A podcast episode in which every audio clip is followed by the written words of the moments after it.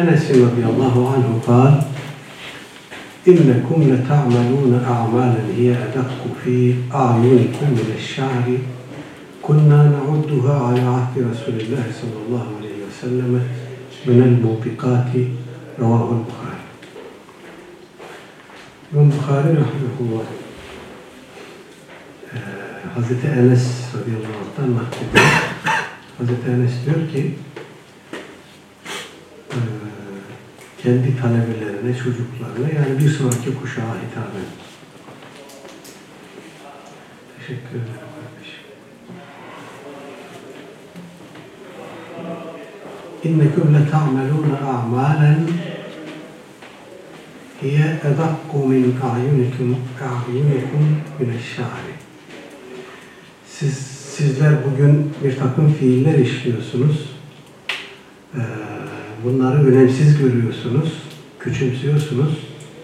Bunlar sizin nezdinizde kıldan daha ince, daha hafif, daha önemsiz geliyor size. Kunna na'udduha ala ahdi ala sallallahu aleyhi ve sellem minel. Oysa biz bu fiilleri Resul-i Ekrem aleyhissalatü vesselam Efendimiz zamanındayken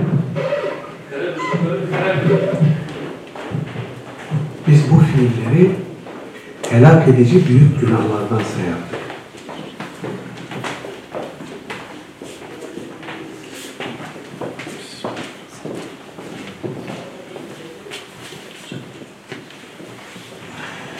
Ee, Enes radıyallahu anh'ın bu e, uyarısı, bu tespiti hakikaten son derece sarsıcı yani.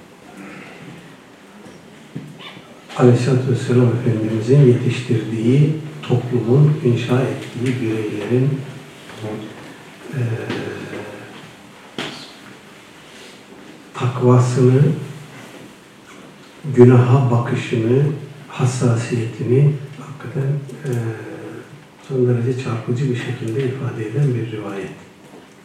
Sizler bugün bazı şeyler yapıyorsunuz, bunları önemsemiyorsunuz, küçük görüyorsunuz. Ama biz bunu, bu tür şeyleri Efendimiz Aleyhisselatü Vesselam zamanında helak edici fiillerden, amellerden sayardık.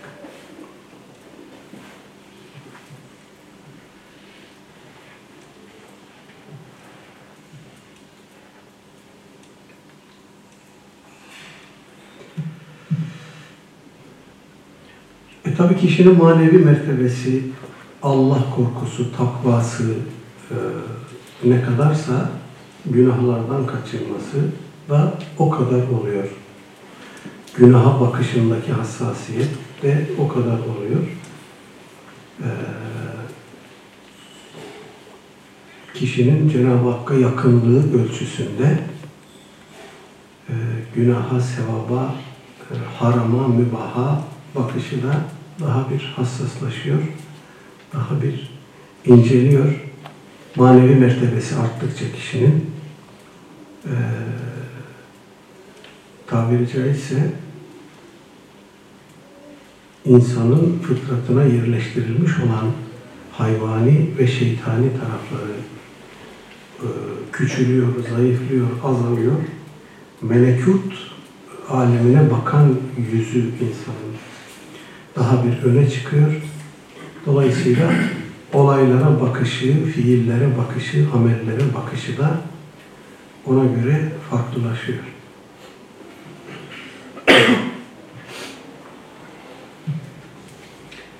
ee, genellikle tasavvuf ehli arasında söylenen bir söz vardır. Hasenatül ebrar, seyyiatul mukarrebin diye. Ee, kişinin Cenab-ı Hakk'a yakınlığı, manevi yakınlığı ölçüsünde e, ölçüsü itibarıyla yer aldığı kategori neresiyse amellere, fiillere bakışı da ona göre değer ve anlam kazanıyor. Ebrar sınıfında bulunan kimselerin hasenat olarak gördüğü, sevap olarak, iyi amel olarak gördüğü şey mukarrebun Cenab-ı Hakk'a yakın e, olmuşlar. Bu seviyeye yükselmiş kimseler nezdinde e, seyyiye, seyyiat. Kötü fiil, çirkin fiil, masiyet fiil sayılıyor. Ee, özellikle her şeyin e, profanlaştığı, maddeye bağlandığı, efendim, e, insanoğlunun hatta önemli ölçüde Müslümanların da hayata, dine, profan bir gözlükle bakar hale geldiği bir zaman diliminde bu mesele son derece önemli. Kişinin kendisini e, murakabede efendim, ne kadar hassas davranması gerektiği bu rivayetten bize sadece bireysel bir çaba, bireysel bir hassasiyet olarak yansımıyor. Aynı zamanda toplumsal bir yanı var bu işin. Yani günah da, sevap da, hasene de, seyiye de e, toplumsal boyutu olan şeyler. İnsan çevresinden etkilenen ve çevresini etkileyen bir varlık. Sahabe-i kiramın oluşturduğu bir toplumda bir insanın kolay kolay e, büyük günah işlemesi, kolay kolay ciddi anlamda hatada berdevam olması çok mümkün değil. Elbette onlar melek değil, onların arasında da günah işleyenler var. Onların arasında da sürçenler var, hataya düşenler var. Ama sahabe toplumunda bunların Aleyhisselatü Vesselam Efendimizin gözetiminde bunların e, istisna kabilinden olduğunda hiç şüphe yok.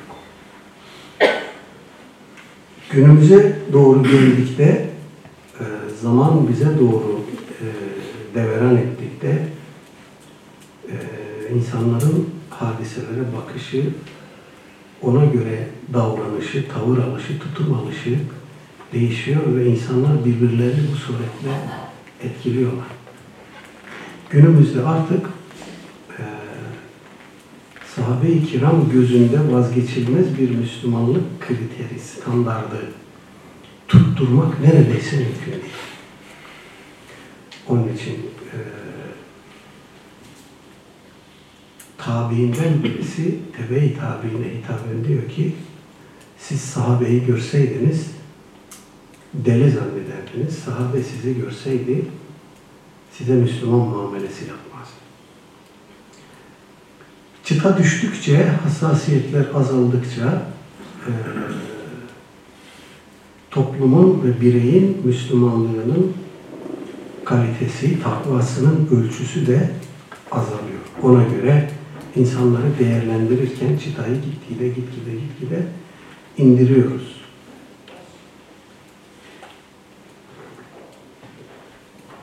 Hele en tehlikelisi de Allah'a alem. İşin en tehlikeli boyutu da e, dünya küreselleşiyor. Dünyanın küreselleşmesi demek küresel dünya ya hükmedenlerin, küresel dünyanın değerlerini, gidişatını benimseyenlerin e, dünyanın geri kalan kısmına dayattığı, enjekte ettiği, telkin ettiği şeyler anında küreselleşiyor. Herhangi bir toplumun kendisini bunlardan yalıtması, izole etmesi neredeyse mümkün değil. Böyle olunca dünyanın küresel efendilerinin marufla işi yok. Onların salih amelle işi yok. Onların hasenat ile işi yok. Onların dünyası masiyet üzerine, zulüm üzerine, fısk, fücur ve isyan üzerine kurulu. Öyle olunca bunlar bu defa küreselleşiyor. Bunlar iletişim vasıtaları üzerinden, efendim, internet üzerinden, medya üzerinden, sosyal olan olan olmayan medya çeşitleri üzerinden bunlar küreselleşiyor. Ve gittikçe Müslümanların da değer yargısını belirlemeye başlıyor. Bu seviyeye kadar ilerliyor.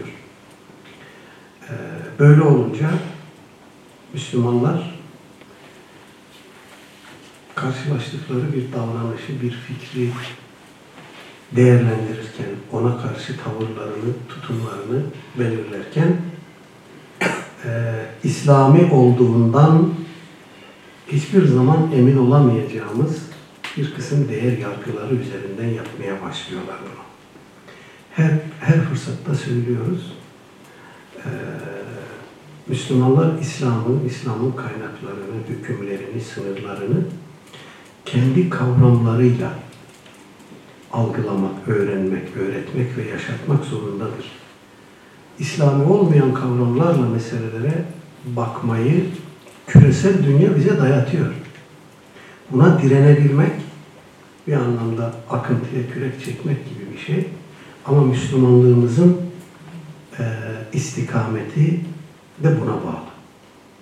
Küresel enformasyon merkezlerinin değer yargıları ve kavram üretme konusunda ne kadar baskın olduğunu fark etmemiz lazım bir an evvel ve buna karşı kendi kavramlarımızla, kendi ıstılahlarımızla dünyamızı, fikriyatımızı e, tesis etmemiz lazım.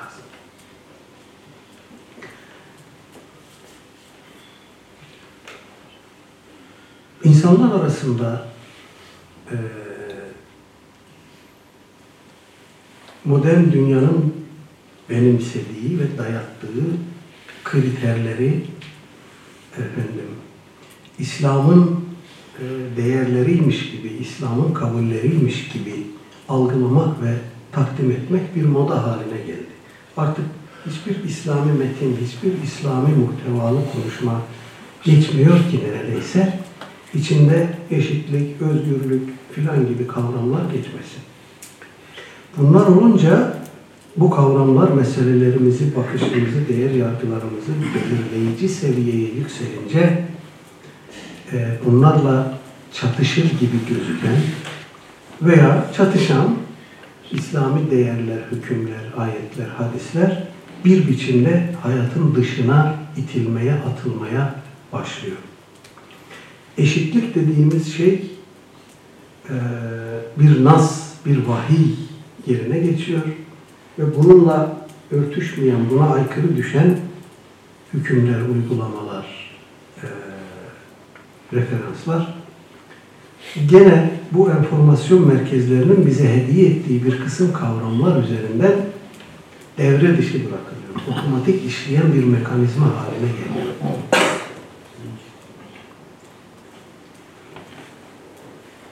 Kadın erkek eşitliği e, meselesine aykırı düşen herhangi bir nas, herhangi bir referans, hadisse uydurmadık diye veriyoruz. Böyle şey olmaz diyoruz. Ee, benim peygamberim böyle bir şey söylemez diyoruz. Bu hadisi efendim ataerkil e, anlayışın hakim olduğu bir toplumsal yapıda birileri Peygamber Efendimiz adına uydurmuş kendi e, egemenliklerini sürdürmek için peder şahi aile ve toplum yapısını sürdürmek için birileri bunu hadisleştirmiş, birileri de bunu yaşatmış. Ama eşitliğe aykırı bir şey. Kadınla erkek birbirine eşittir. Dolayısıyla peygamber buna aykırı bir şey söylemez. Ayetse kadın erkek eşitliğiyle bağdaştıramadığımız şeyler ayetse bu defa imdadımıza gene bu enformasyon merkezlerinin ürettiği bir kavram yetişiyor. Tarihsellik. Bu diyoruz tarihsel bir durumu anlatıyor. Belli bir sosyokültürel tarihsel ortama inmiş bir ayettir bu. 7. yüzyıl Arabistan'ındaki bir durum dikkate alınarak indirilmiş bir ayettir. Dolayısıyla bu ayeti evrensel kılıp, tarih üstü kılıp, bütün zamanlara, bütün tarih ve coğrafyalara teşmil etmek doğru değil. Allah'ın muradı da bu değil. Tarihseldir. O döneme aittir, o döneme özgüdür. Bizi bağlamaz. Gördüğünüz gibi e, temel referanslarımız karşısında takınacağımız tutumu gayri İslami kavramlar üzerinden yapıyoruz. Bunları esas alarak ve bunlar vasıtasıyla yapıyoruz. Bu ne yapıyor? Bu bizi dönüştürüyor. Müslümanlığımızı dönüştürüyor. Başka bir şeye dönüştürüyor. Zaman ilerledikçe artık yaşaya yaşaya maalesef alışkanlık edinmeye başlıyoruz bir süre sonra. İslam'ı İslam yapan e, kendine özgü ne varsa İslam'ın dışına atılıyor. Din dışı olarak kabul edilip hayatımızın, algımızın dışına atılıyor. İslam'ın dışında olan ne varsa bu küresel sistemin e, olumladığı, davet ettiği, teşvik ettiği, dayattığı ne derseniz deyin. Ne varsa ona da İslam'ın içine boca ediliyor. Ondan sonra karşımıza böyle bir Müslümanlar çıkıyor ki bizden yani sahabe-i kiram dönemine falan gitmeyelim. Bir iki kuşak öncesine kadar gitsek bile bu Müslümanlıkla veya onlar kalksa gelseler bizim bu Müslümanlığımızı görseler, müşahede etseler muhtemelen bizden teberri ederler. Din dönüşüyor, Müslümanlık dönüşüyor, İslam dönüşüyor. Yavaş yavaş, adım adım, gıdım gıdım dönüşüyor. Bunu e, içinde yaşadığımız için belki göre göre alışkanlık kesbediyoruz. Dolayısıyla bir süre sonra bizi e, acıtmaz, incitmez, rahatsız etmez hale geliyor. Bu bazen de e, bizim hassas noktalarımız üzerinden yapılıyor. Yumuşak noktalarımız üzerinden yapılıyor. Mesela Kur'an üzerinden yapılıyor. Kur'an deyince bir Müslüman için akan sular durur ama e, Kur'an üzerinden hayatımıza sokulan saçmalıkları şöyle üst üste üst üste bir dizsek hiç azımsanamayacak bir kemiyete ulaştığını görürüz. Bu dehşet verici bir şey gerçekten. Ee, bazen sünnet üzerinden yapılıyor. Bu garabeti bir an evvel fark etmemiz lazım.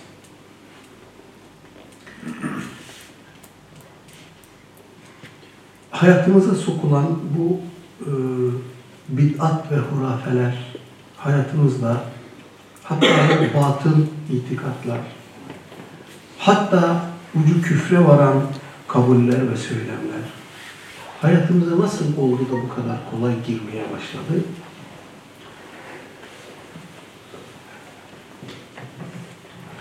Bizden bir kuşak öncesine kadar Müslüman herhangi bir meseleyle karşılaştığı zaman bunu bir hocaya soralım derdi. Bu caiz midir derdi. Böyle yapmak, böyle düşünmek caiz midir, böyle söylemek caiz midir birbirine soralım derdi. Şimdi bu bir bilenin adresi buharlaştı, kayboldu. Ortada bir bilen diye bir şey kalmadı. Eline bir Kur'an meali alan herkes bir bilen haline geldi. Ee, işler kolaylaştı. Son derece basit hale geldi. Herkes o meal üzerinden bir Müslümanlık ortaya koyuyor. Bizden öncekileri o hassas noktada tutan neydi diye baktığımızda elbette Allah korkusuydu. Elbette yanlışa düşme e, endişesiydi, korkusuydu. E, fakat bunu bir adım ötede itikatta ve amelde mezhep hassasiyeti üzerinden yapıyorlar. Dolayısıyla bir Müslümanın mezhep telakkisi sarsılmaya başladığında, mezhebe intisap hassasiyeti laçkalaşmaya başladığında bu onun dindarlığında bir gevşemeye yol açıyor. Bunu acilen fark etmemiz lazım. Dindarlıktaki gevşeme mezhep hassasiyetinin çözülmesiyle başlıyor. Benim de aklım var diyor. Bundan 1300 sene önce yaşamış bir, bir takım insanların istihat yapıyor. Diğer bütün civataları gevşetiyor. Geçenlerde tesadüfen veya tevafuken Yaşar Nuri Öztürk'ün ölmeden kısa bir süre önceki videolarından birine denk geldim. Diyor ki Müslümanların bu hale gelmesinin sebebi namazdır. Namaz konusunun bu derece hassas, hassasiyetle işlenmesidir. Efendim, her meselenin başına namazın konmasıdır. Oysa Kur'an namazı bize bu kadar hassasiyetle emretmiyor, bu kadar ısrarla emretmiyor. Kur'an'ın bize ısrarla emrettiği şey kitap okumaktır. Biz bunu tersine çevirmişiz tarih içerisinde diyor. Okuyan bir ümmet olmaktan çıkmışız. Namaz kılan bir ümmete dönüşmüşüz. Yozlaşma burada başlamış. Görüyor musunuz? Nereden çıktık, nereye geldik? Şimdi içimizde mezhep meselesini, mezhebe ittibayı gerek itikatta gerek amelde örseleyenler, tartışanlar, efendim, her vesileyle gündemine getirenler birkaç adım sonra buraya gidecekler. Belki kendi dünyalarında gitmişlerdir bilmiyoruz. İzhar etmiyorlar, açığa vurmuyorlar ama buraya gelecekler. Bu kaçınılmaz bir şey. Cenab-ı Hak bu ahir zamanda ayaklarımızı sırat-ı müstakim üzere sabit kılsın. Hocam, Trabzon'da e, bir kitapçımız vardı ismini üzerinde de birisiyle ilgili böyle meşhur alim birisiyle ilgili bir değerlendirme yapmıştı. Aklımda kalmış. Bu çok böyle tarihsiz, koyu bir Hanefi'dir demişti öyle. Şimdi öyle çok tarihsiz, koyu Hanefilere ihtiyacımız var demek. Mezhep meselesi, mezhep deyip geçmeyin. Çünkü o bir sistem. Yani kendi içinde bütün bir sistem. Bunu bir yerinden kurcalamaya başladığınızda onun bütünlüğünü bozuyorsunuz. Mezhepten başlayan gevşeme bir süre sonra icmaya gidiyor, oradan hadise gidiyor, sünnete gidiyor, oradan Kur'an'a gidiyor. Efendim, oradan da deizme gidiyor. Bu böyle maalesef.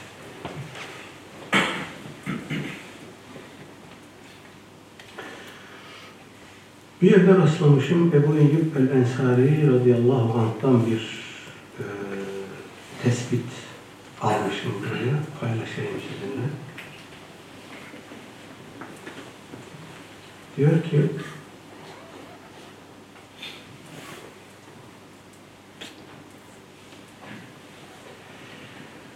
أن الرجل ليعمل الحسنة فيثق بها bir kimse e, güzel amel işler, hasene işler, sevap ameller işler e, ve ona güvenir, itimat eder ve yensel muhakkirat, muhakkarat veya kişinin küçük gördüğü, önemsemediği e, günahları da unutur. Ve yalkallaha kad ahatat bihi. Allah'a bu hal üzere kavuşur. Fakat o küçük gördüğü şeyler onu kuşatmıştır. İşlediği güzel amellere güvenerek gider, öbürlerini unutmuştur.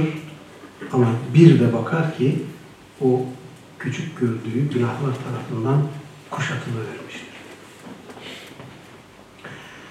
Racule le ya'mele seyyi'e bir adam da günah işler. Fela yezalu minha müşfikan e, kelimeyi doğru okuduğumdan emin değilim. Burada bir hata da olabilir ama anlam açık. Ee, bir kimse de günah işler ve o işlediği günahtan dolayı endişe etmeye devam eder. Hayatı boyunca onun endişesini taşır.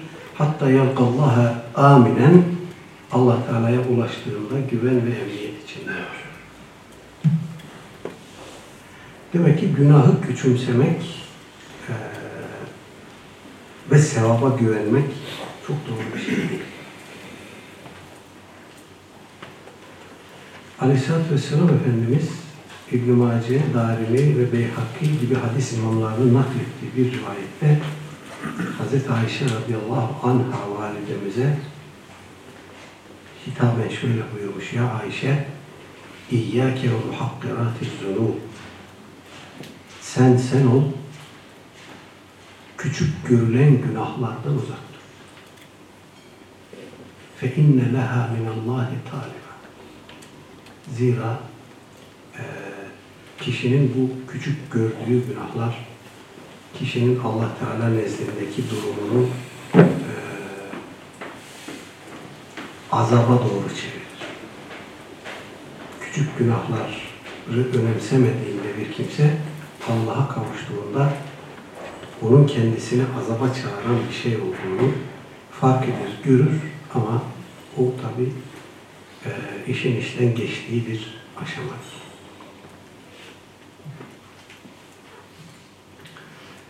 Bu hususa dikkatimizi çeken e, bazı kitaplarda e, eser, rivayet, kelam-ı kibar olarak nakledilmiş e, hikmetli sözler var.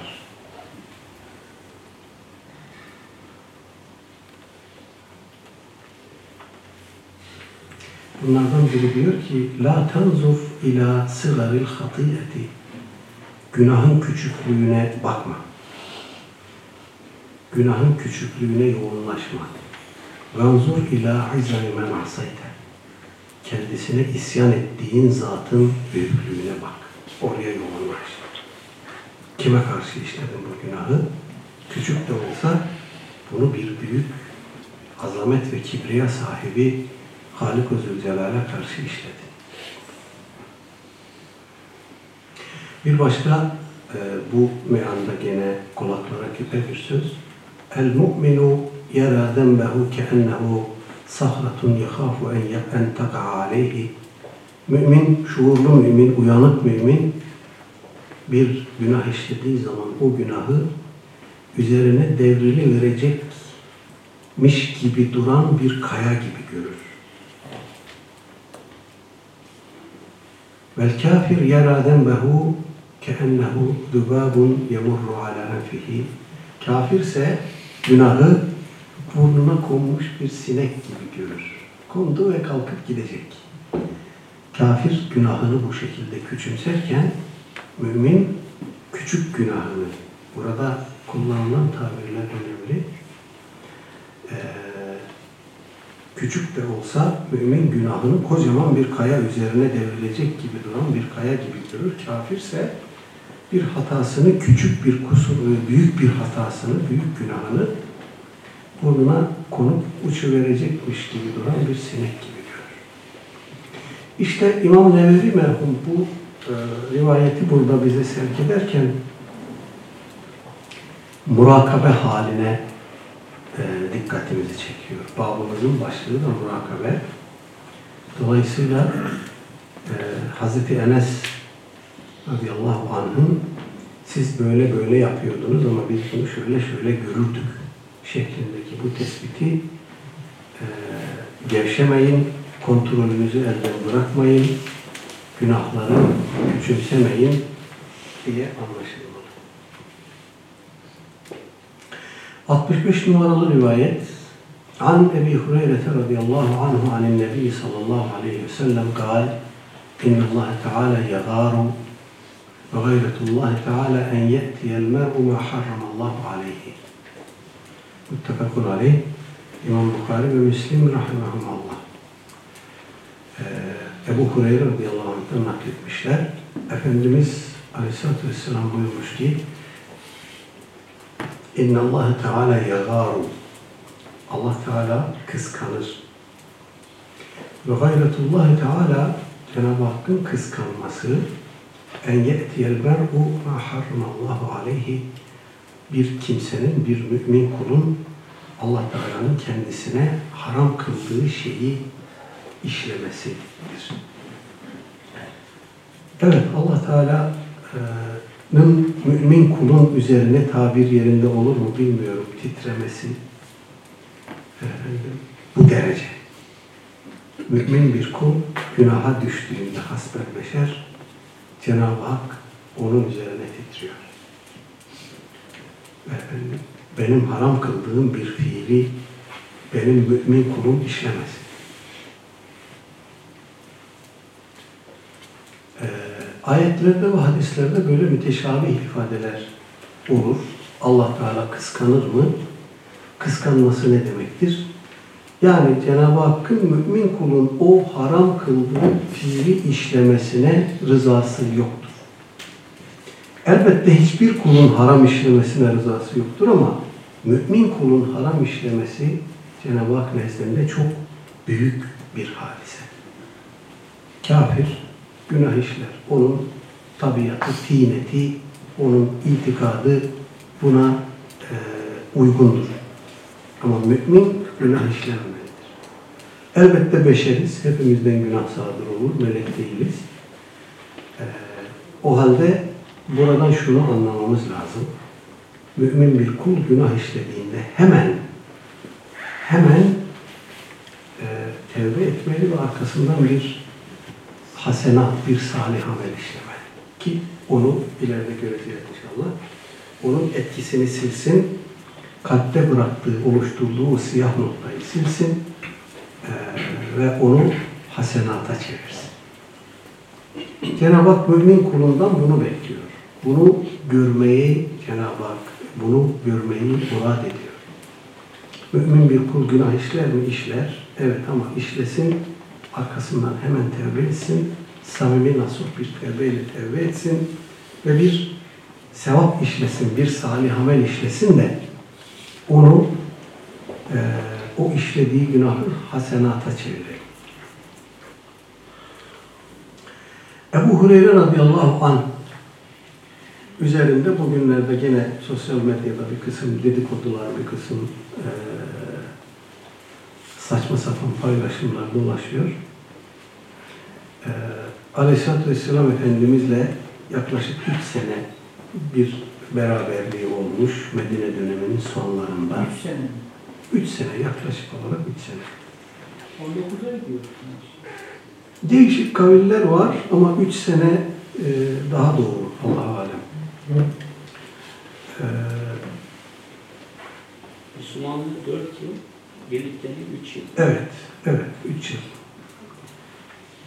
Bu 3 yıl içerisinde nasıl olmuş da e, Efendimiz Aleyhisselatü Vesselam'la Mekke döneminden itibaren beraber olmuş büyük sahabilerin bile e, nakletmediği sayıda hadis nakletmiş. 5000 e, küsür. Tam sayı rakam aklımda değil şu anda. 5600 küsür mü? Böyle bir rakam. Bu hiçbir sahabenin tek başına naklettiği rivayet adedi e, bu rakama ulaşamıyor. E bundan ne anlamamız lazım? Efendim. E bir de tabii Emevilerle e, işte biraz e, haşir neşir olurdu, düşer kalkardı vesaire. Tamam. Bundan ne anlamamız lazım? Ebu Hureyre hadis uydururdu. Bizim e, Abdullah bin Sebe hakkında düşündüklerimizi, Abdullah bin Sebe deyince aklımıza gelenleri kendisine Kur'an Müslümanı diyen bir takım zibidiler Ebu Hureyre radıyallahu anh hakkında söylüyor. O çağrışım onların zihninde bizdeki e, İbn-i Sebe çağrışımı yapıyor. Ona benziyor. Hadis yumurtlamış diyor. Evet. Hadis yumurtlamış. Biz bu adamları e, milletin dini ve ahlaki değerlerini alenen tahrikten mahkemeye e, vermeyeceğiz. Öyle bir dava açmayacağız bunlar hakkında. Bunların ne kadar utanmaz olduğunu, ne kadar ahlaksız olduğunu, ne kadar alçak olduğunu yüzlerine de söyledik. Dolaylı olarak haber de gönderdik. Yazılı olarak da ifade ettik. Ama öyle utanmaz insanlar ki, öyle ar damarı çatlamış ahlaksız insanlar ki bunlar devam ediyor. Yani gel diyoruz bak ileri sürdüğün kocaman kocaman iddialar var. Bilen bilmeyen insanlar senin bir halk bildiğini zannediyor. Sana inanıyor, peşinden geliyor. Bunları beraberinde cehenneme sürüklüyorsun. Sen dert değilsin, benim derdim sen değilsin. Allah seni bulunduğun oyunda bıraktı, bırakacak. Belki sen daha da kötü yerlere gideceksin. Senin arkandan sürüklediğin o kitleye acıyorum. Onlar hiç olmasa senin gerçek yüzünü görsün. Şu iddialarının ilmi kıymetini görsün. Ondan sonra insanlar karar versin. Gelmiyorsun. Kaçıyorsun. Ama bu tezvirata da devam ediyorsun. Hocam açıktan yalan söylüyor. Ahlaksız dedik ya. Hazreti Ömer 100 tane hadis rivayet etti diyor. 500 hadis var. Hazreti Uzeybe'ye 17 diyor. 250 hadis rivayet etti. Hadis meselesine gittiği her yerde böyle Ama veriyor. mi? Hazreti Ömer'in Şia'ya da tabi arada bir selam çakıyor. Oradan e, nasıl bir şey e, e, alıyorsa bilmiyoruz. Hazreti Ömer'in ezandaki bir cümleyi kaldırdığını söylüyor. Ya Hazreti Ömer bunu da sünni kaynaklara dayandırıyor. Adını verdiği bir takım kaynaklar da var. Gidiyorsunuz, bakıyorsunuz o kaynakta böyle bir şey yok. Ya ahlaksızlığın, yalancılığın, üç kağıtçılığın bu kadar olur yani. Neyi? Şimdi ezanda biliyorsunuz e, sağ şeyin Şia'nın e, Sünnilerden farklı olarak ilave ettiği iki tane cümle var. Birisi hayye ala hayril amel, birisi de eşhedü enne aliyyen veliyullah. Bu diyor ki hayye alel felahtan sonra hayye ala hayril amel hala Iğdır'da vesairede Caferlerin bulunduğu yerlerde okunur ezanda bu. Cümle Hazreti Ömer zamanına kadar ezanda mevcuttu. Ömer bu cümleyi kaldırdı. Ve ahlaksız adam. Ömer durup dururken böyle bir cümleyi ezanda niye kaldırsın? Bu cümlede ne var? Hayya ala hayril amel. Haydin amellerin en hayırlısı. Hazreti Ömer niye kaldırsın? Ezanda böyle bir cümle varsa eğer. Ne işi olur yani? Ne zararı görmüş olabilir? Öyle bir şey yok. Adını verdiği kaynağa gidiyorsunuz, bakıyorsunuz. O kaynakta da böyle bir şey yok. Yani bu kadar olur. Bunun adı arkadaşlar eee Kur'an Müslümanlığı falan filan diyorlar ya. Ben bunun adını hıyanet olarak koydum. Bu, bu hıyanettir. Bir ara bundan birkaç sene evvel Hollanda'da bir konferansa gitmiştim. Konferansta bu vatandaşın da adı geçti. Bununla birlikte birkaç kişinin de adı geçti. Görüşlerini ele aldık, değindik, eleştirdik, tenkit ettik filan. Sonunda arka sıralardan bir delikanlı kalktı dedi ki, hocam burada Mustafa İslamoğlu hocamızın adını andınız. Kendisi burada yok. Hakkında söylediğiniz şeylere cevap verebilecek durumda değil. Ben sizi kınıyorum. Dedim ki delikanlı, ben bunları yeni söylemiyorum. Ben bunu ekrandan da söyledim, ben bunu yazdım da, gazeteye de yazdım, dergiye de yazdım, kitaba da yazdım. Mustafa İslamoğlu hakkındaki bu iddiaların böyle kapalı kapılar ardında söylenen şeyler değil. Ama ben sana burada bir şey söyleyeyim. Hani yok burada iddiaları cevaplama imkanı yok diyorsun ya.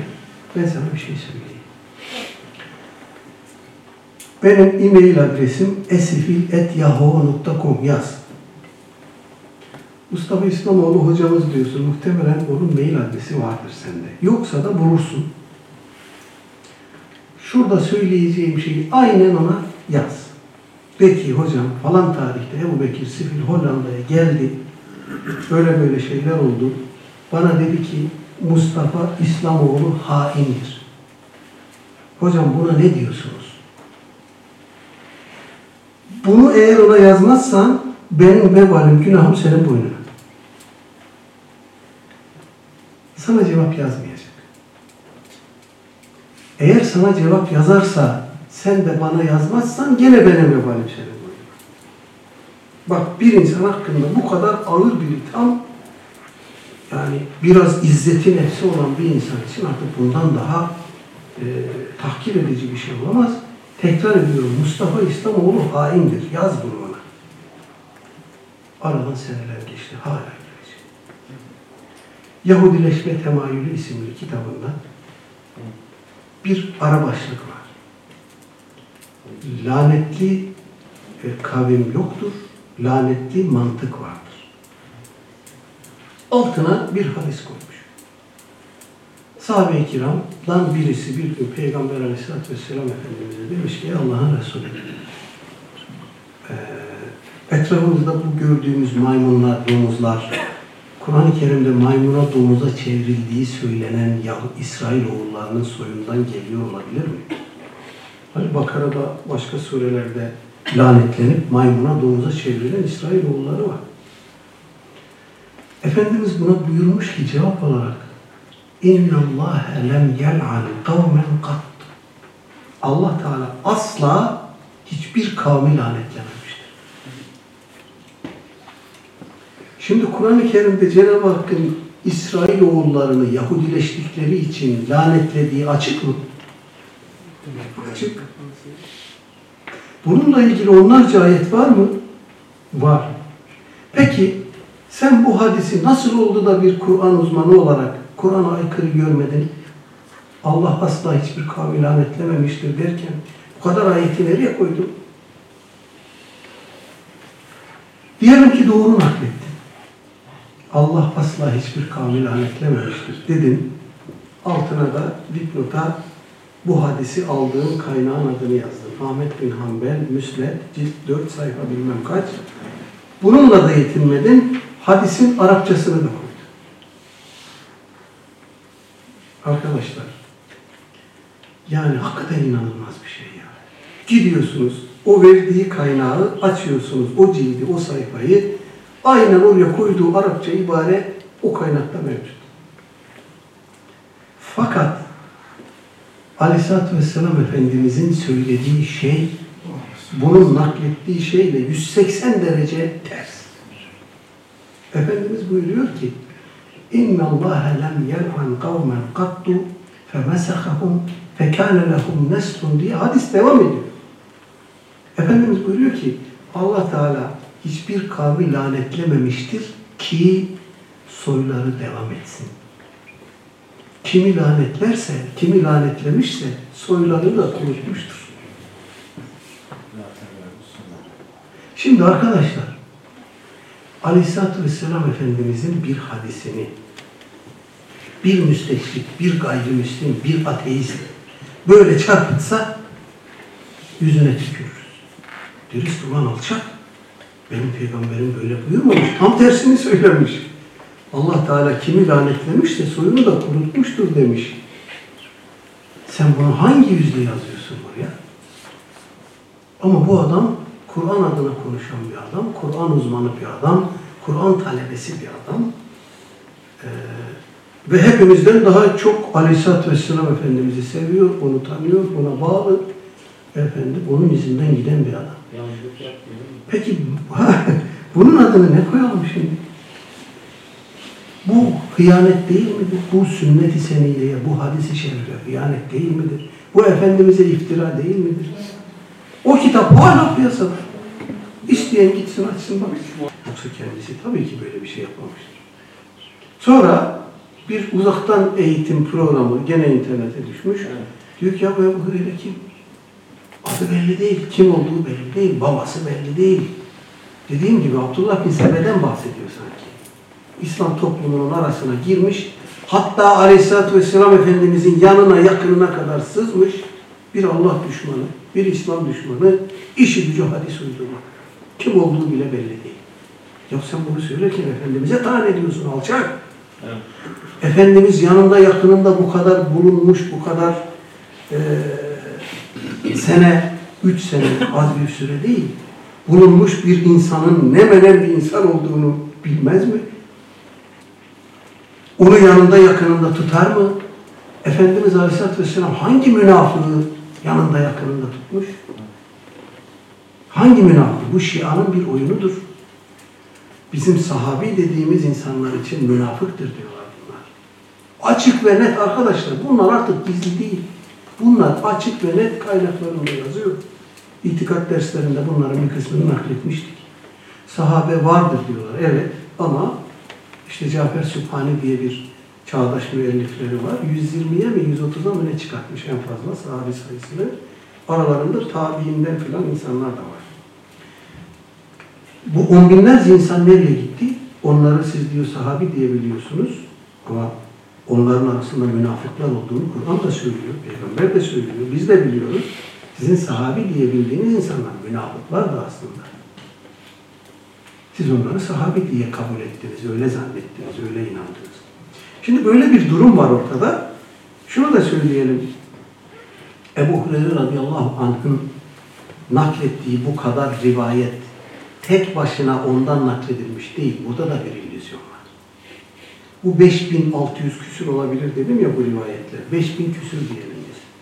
Bu rivayetler sanki başka hiç kimse tarafından nakledilmemiş. Sadece Ebu Hureyre Hazretleri nakletmiş gibi anlatılıyor. Oysa Ebu Hureyre Hazretleri'nin bütün hadis rivayet külliyatı içerisinde infirad ettiği, tek kaldığı hadis rivayeti sayısı 33'tür. Yani bu 5000 küsür hadisin 33'ü hariç tamamı başka sahabiler tarafından da nakledildi. Şimdi bütün bunlar ortadayken sen Ebu Hureyre'ye vuruyorsun. Seni ağzı açık dinleyen insanlar bir halk bildiğini e, zannederek dinliyor. Sana hüsnü zannından dinliyor. Ya bu hakikatleri nereye koyuyorsun? Nasıl yapıyorsun ya? Hazreti Ayşe validemiz de müksirundan. Abdullah bin Ömer, Abdullah bin Abbas, Enes bin Malik bunlar da müksirundan. Ee, ne diyelim şimdi? Ebu, arkadaşlar şundan emin olun. Ebu Hureyre radıyallahu anh Hazreti Muaviye için söylenen bir söz var. Muaviye kapının halkasıdır. Birisi o halkaya uzandığında biz o kapıyı açıp içeriye İslam'ın harimi ismetine gireceklerini biliriz. Onun için ona dokundurmayız demişler. Yani sahabi e, tabakaları arasındaki farklılıkların bizim alimlerimiz farkındalar tabii ki. Hazreti Ali ve Hazreti Muaviye mi, Muaviye mi şeklinde bir kıyaslama, hangisini tercih edersiniz şeklindeki bir soru abestir. Çünkü birisi Sabikun evvelundandır, birisi Mekke'nin fethinde Müslüman olmuş. Hangisini tercih edersiniz diye bir soruyu biz yanlış buluruz. Tabii ki Hazreti Ali, tereddütsüz. Ama bizim alimlerimizin Hazreti Ali hakkında bu kadar hassaslaşmasının sebebi nedir? Çünkü o bir sahabidir. Birileri bir sahabiye uzanır da bizde bir şey olmaz tamam olsun dersek bunun arkası. Bu Hazreti Ebu Bekir'e kadar, Hazreti Ayşe'ye kadar gider. Gidiyor mu? Gidiyor. Gidiyor. İşte bugün Şia bunu yapıyor. Çok açık böyle. Şimdi ben size burada bunu söyleyeyim. Allah ömür verir yaşarsak bunu göreceksiniz. Bu alçak adam ve bunun zihniyetindekiler öbür sahabilere de dil uzatmaya başlayacaklar bir süre sonra. Onlara da sıra gelecek. Bu adım, adım adım giden bir şey. Ya davalık bir, bir insanda utanma olur ya. Mahkeme-i kübradan korkmayan bir adamın e, dünyevi mahkemelerde kaldı ki maalesef maalesef artık arkasının da bir hayli güçlenmeye başladığını görüyoruz. Yani bu, bu da ayrı bir konudur. Üzerinde düşünülmesi, durulması gereken bir konudur. Kim sorumluysa onlar düşünsün bu mesele hakkında. Arada bir sohbete gelse? Bu arada deplasmana bir sohbete gelse diyorum. Gelme. Siz de münazara yapsa. Olmuyor. Ha, bildiriliyor zaten.